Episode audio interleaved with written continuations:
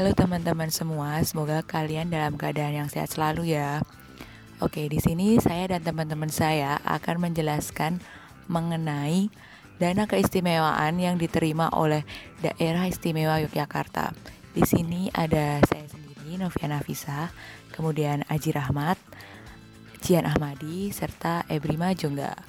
Oke, langsung aja ya.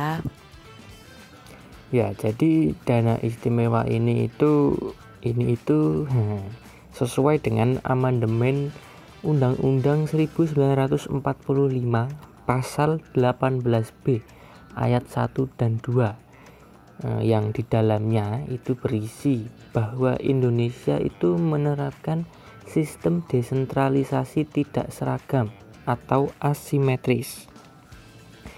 Kemudian ini berarti bahwa pemerintah menghormati, menghormati keistimewaan setiap daerah dan mengaturnya dalam sebuah undang-undang. Nah, seperti itu loh teman-teman. Beberapa undang-undang yang mengatur tentang kekhususan atau keistimewaan suatu daerah antara antara lain Undang-Undang Nomor 21 Tahun 2001 tentang Otonomi Khusus Provinsi Papua yang kemudian telah diganti menjadi Undang-Undang Nomor 35 Tahun 2008 tentang penetapan peraturan pemerintah pengganti Undang-Undang Nomor 1 Tahun 2008 tentang perubahan atas Undang-Undang Nomor 21 Tahun 2001 tentang otonomi khusus bagi Provinsi Papua. Kemudian ada juga Undang-Undang Nomor 11 Tahun 2006 tentang pemerintahan Aceh. Kemudian ada Undang-Undang Nomor 29 Tahun 2007 tentang pemerintah provinsi daerah khusus ibu kota Jakarta karena Jakarta juga jadi ibu kita ibu kota kita atau ya, walaupun bentar lagi kan dipindah. Ya tapi itu pembicaraan lain. Kemudian ada nih yang mau kita bahas tentang DJ itu eh, dasar hukumnya ada pada Undang-Undang Nomor 13 Tahun 2012 tentang keistimewaan Daerah Istimewa Yogyakarta. Nah, teman-teman, Uniknya, ada sistem desentralis adanya sistem desentralisasi ini adalah hasil akomodasi kebijakan pemerintah pusat terhadap tekanan politik yang muncul dari daerah-daerah tersebut. Yang ini berpotensi menimbulkan disintegrasi nasional sehingga kebijakan ini itu terkesan tidak optimal teman-teman karena hanya berdasarkan rencana jangka pendek. Ya, kemudian dalam melaksanakan sistem desentral, desentralisasi asimetris, angel ya ngomongnya, ini juga berlaku uh, sistem as, asimetri atau uh, perbedaan yang apa ya yang juga berpengaruh kepada transfer fiskal kepada beberapa daerah yang setingkat seperti Aceh, Papua, Papua Barat, DKI Jakarta dan DIY Nah, ini artinya setiap daerah tersebut menerima tambahan dana perimbangan yang alokasinya diarahkan untuk pelayanan sektor pelayanan publik sektor pendidikan. Nah, kemudian sesuai dengan Undang-Undang Nomor 13 Tahun 2012 yang tadi tentang keistimewaan itu, eh, keistimewaan ini meliputi eh, satu cara pengisian jabatan atau terus kedudukan, tugas dan wewenang gubernur dan wakil gubernur, kemudian urusan kelembagaan, urusan kebudayaan, urusan pertahanan dan urusan tata ruang. Dan beberapa hal apa beberapa hal yang istimewa tadi itu juga disupport dengan adanya dana istimewa. Seperti yang tadi kan ada transfer asimetri toh. Nah, di Jogja itu juga dapat yang namanya dana keistimewaan atau danais Nah ini juga apa ya enggak bukan tanpa kendala sih penyalurannya eh, dana istimewa ini dinilai masih jauh dari harapan karena kurang optimalnya pengelolaan dana keistimewaan. Dana keistimewaan setiap tahunnya mengalami perkembangan ya tentunya hal itu terjadi juga pada pemerintah Provinsi DIY. Pemerintah pusat telah mengalokasikan dana keistimewaan kepada provinsi daerah istimewa Yogyakarta sebesar banyak banget nih 4 triliun 850 miliar 167 juta 372.500 rupiah kemudian pada tahun pertama Provinsi DIY menerima dana keistimewaan menunjukkan alokasi dana keistimewaan DIY sebesar 231 miliar 392 juta 653.500 rupiah. Kemudian dengan realisasi belanjanya sekitar 23,58 persen. Dana keistimewaan daerah istimewa Yogyakarta meningkat hingga empat kali lipat pada tahun 2019 uh, menjadi sekitar 1 triliun 200 juta rupiah. Kemudian beberapa penyerapan terendah terjadi pada tahun pertama dan tahun kedua karena terkendala belum lengkapnya regulasi sebagai syarat pelaksanaan keistimewaan serta keterbatasan waktu pelaksanaan program dan kegiatan. Oke, tahun selanjutnya, tahun ketiga dan seterusnya menunjukkan penyerapan hampir mendekati 100%. Hal ini berarti bahwa kegiatan dan program yang telah dicanangkan dari sumber dana keistimewaan semakin sesuai dengan perencanaan yang telah ditetapkan oleh pemerintah provinsi daerah istimewa Jakarta.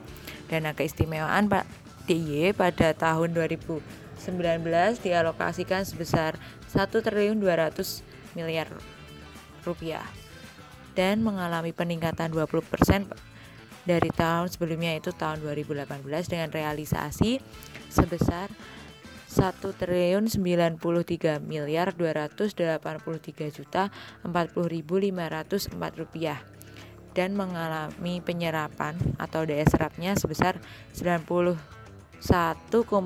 persen. Pemerintah Provinsi DIY pada tahun 2020 memperoleh dana keistimewaan dengan jumlah 1 triliun 320 juta rupiah. Selanjutnya tentang realisasi dana keistimewaan sejak pertama kali dikucurkan dananya yaitu sekitar 2013 hingga 2018. Dana keistimewaan dari tahun 2013 sampai tahun 2018 lebih dominan untuk dialokasikan kepada urusan kebudayaan yang mencapai nominal 1,58 triliun dari total yang direalisasikan yaitu 3,7 triliun. Kemudian disusul untuk urusan keistimewaan tata ruang sebesar 1,39 triliun.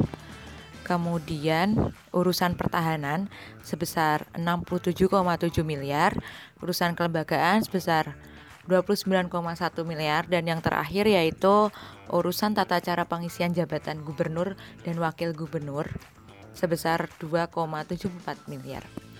Jika dilihat dari realisasi setiap tahunnya pada 2013 realisasi pada penggunaan keistimewaan adalah yang terendah yaitu hanya sebesar uh, prosentasenya dua, sebesar 23,58 persen. Hal tersebut terjadi karena terjadi keterlambatan alokasi dari pemerintah pusat yaitu pemerintah terkait Kementerian Keuangan. Kemudian dari penyerapan sebesar 54,50 miliar 54,56 miliar di antaranya sebesar 47,83 miliar atau sekitar 87,66 persen merupakan realisasi pada unsur kebudayaan. Kemudian komposisi penggunaan dana keistimewaan dari tahun ke tahun mengalami pergeseran meskipun tetap selalu didominasi untuk urusan kebudayaan dan urusan tata ruang. Pada tahun 2016, realisasi penggunaan dana istime keistimewaan urusan tata ruang uh, mencapai 349,52 miliar, melebihi realisasi unsur kebudayaan yang hanya sebesar 169,51 miliar atau bisa dibilang setengahnya ya. Hal ini sejalan dengan program dan kegiatan yang telah dicanangkan oleh pemerintah provinsi tahun anggaran 2016 terkait tata ruang. Kemudian tentang komposisi penggunaan dana keistimewaan untuk urusan tata ruang melebihi urusan kebudayaan kembali terjadi pada tahun anggaran sekitar 2018 yaitu sebesar 556,53 miliar untuk urusan tata ruang dan sebesar 373,7 miliar untuk urusan kebudayaan. Realisasi dana ke keistimewaan untuk urusan tata cara pengisian jabatan, kedudukan tugas dan wewenang gubernur dan wakil gubernur hanya terjadi pada waktu pilkada saja yaitu pada tahun kedua. Dana itu dikucurkan atau sekitar 2014 dan tahun 2017 saat terjadi pemilihan kepala daerah atau pilkada di Provinsi DIY dengan nilai masing-masing sebesar 230 juta untuk tahun 2014 dan kemudian pada waktu atau tahun 2017 mencapai hingga 2,51 miliar. Selanjutnya, alokasi dana istimewa di Yogyakarta sejak tahun 2013 mengalami kenaikan pesat. Meskipun dana istimewa Yogyakarta tiap tahunnya meningkat, tapi belum memberikan dampak perubahan kepada masyarakat di Provinsi Yogyakarta. Meskipun indeks pembangunan manusia di Yogyakarta berada di peringkat dua nasional, namun sampai saat ini Yogyakarta masih menjadi provinsi termiskin di Indonesia dengan indeks gininya mencapai 0,437 pada September 2020 bahkan melebihi angka ketimpangan nasional yang mencapai 0,385. Tujuan dari adanya dana keistimewaan dalam pasal 5 Undang-Undang Nomor 13 Tahun 2012 diharapkan untuk yang pertama mewujudkan pemerintahan yang demokratis. Kemudian yang kedua mewujudkan kesejahteraan dan ketentraman masyarakat. Yang ketiga mewujudkan tata pemerintahan dan tatanan sosial yang menjamin kebineka tunggal ikaan dalam kerangka NKRI.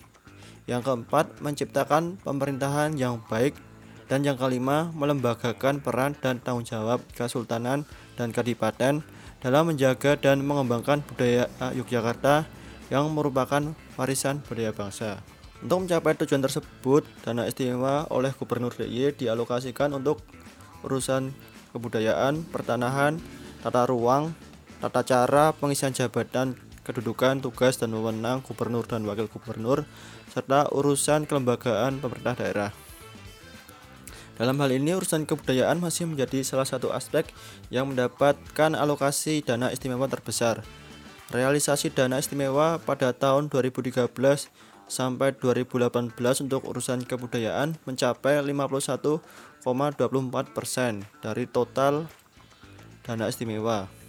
Capaian dana keistimewaan DIY untuk urusan kebudayaan di antaranya berupa perkembangan jumlah desa budaya, pendampingan desa budaya, desa atau kelurahan rintisan budaya, jaga warga, film masuk desa budaya, wana desa, bersih sungai yang diadopsi dari Mertikali, Jogja Kota Batik, wayang bersih singkat Museum Sono Budaya, diplomasi budaya, gerakan wajib kunjung museum, Museum Mall, pentas adiluhung, simponi keistimewaan, sekolah basis budaya, laboratorium budaya, anugerah budaya, gebiar museum pleret, dan sebagainya. Penggunaan dana istimewa untuk urusan kebudayaan eh, sampai saat ini masih menimbulkan perdebatan. Hal ini karena urusan kebudayaan yang didanai oleh dana istimewa e, bersifat seremonial saja. Selain itu, sebagian masyarakat menyebutkan bahwa urusan kebudayaan yang didanai oleh dana keistimewaan belum dirumuskan dan disepakati pemaknaannya. Apakah hanya mewadai batas pemahaman kebudayaan dalam arti sempit, seni atau kesenian? Kemudian urusan kebudayaan yang seharusnya menjadi salah satu semangat dari pelaksanaan keistimewaan DIY dengan menjadikan filosofi budaya sebagai dasar pembangunan di segala bidang dan diharapkan dapat berkontribusi dalam meningkatkan kemakmuran masyarakat. Namun kenyataannya lokasi dana istimewa ini masih belum mampu mencapai tujuan dari pemberian dana keistimewaan untuk meningkatkan kesejahteraan dan kemakmuran rakyat. Terlihat dari kemiskinan dan ketimpangan yang tinggi di Yogyakarta. Kalau gitu dana istimewa itu untuk keraton atau untuk rakyat ya, Bro? Menurut saya, dana istimewa itu untuk rakyat dan seharusnya dimanfaatkan pemerintah daerah untuk meningkatkan kesejahteraan rakyat. Sekian untuk episode podcast kali ini. Sampai bertemu di episode berikutnya. Bye bye.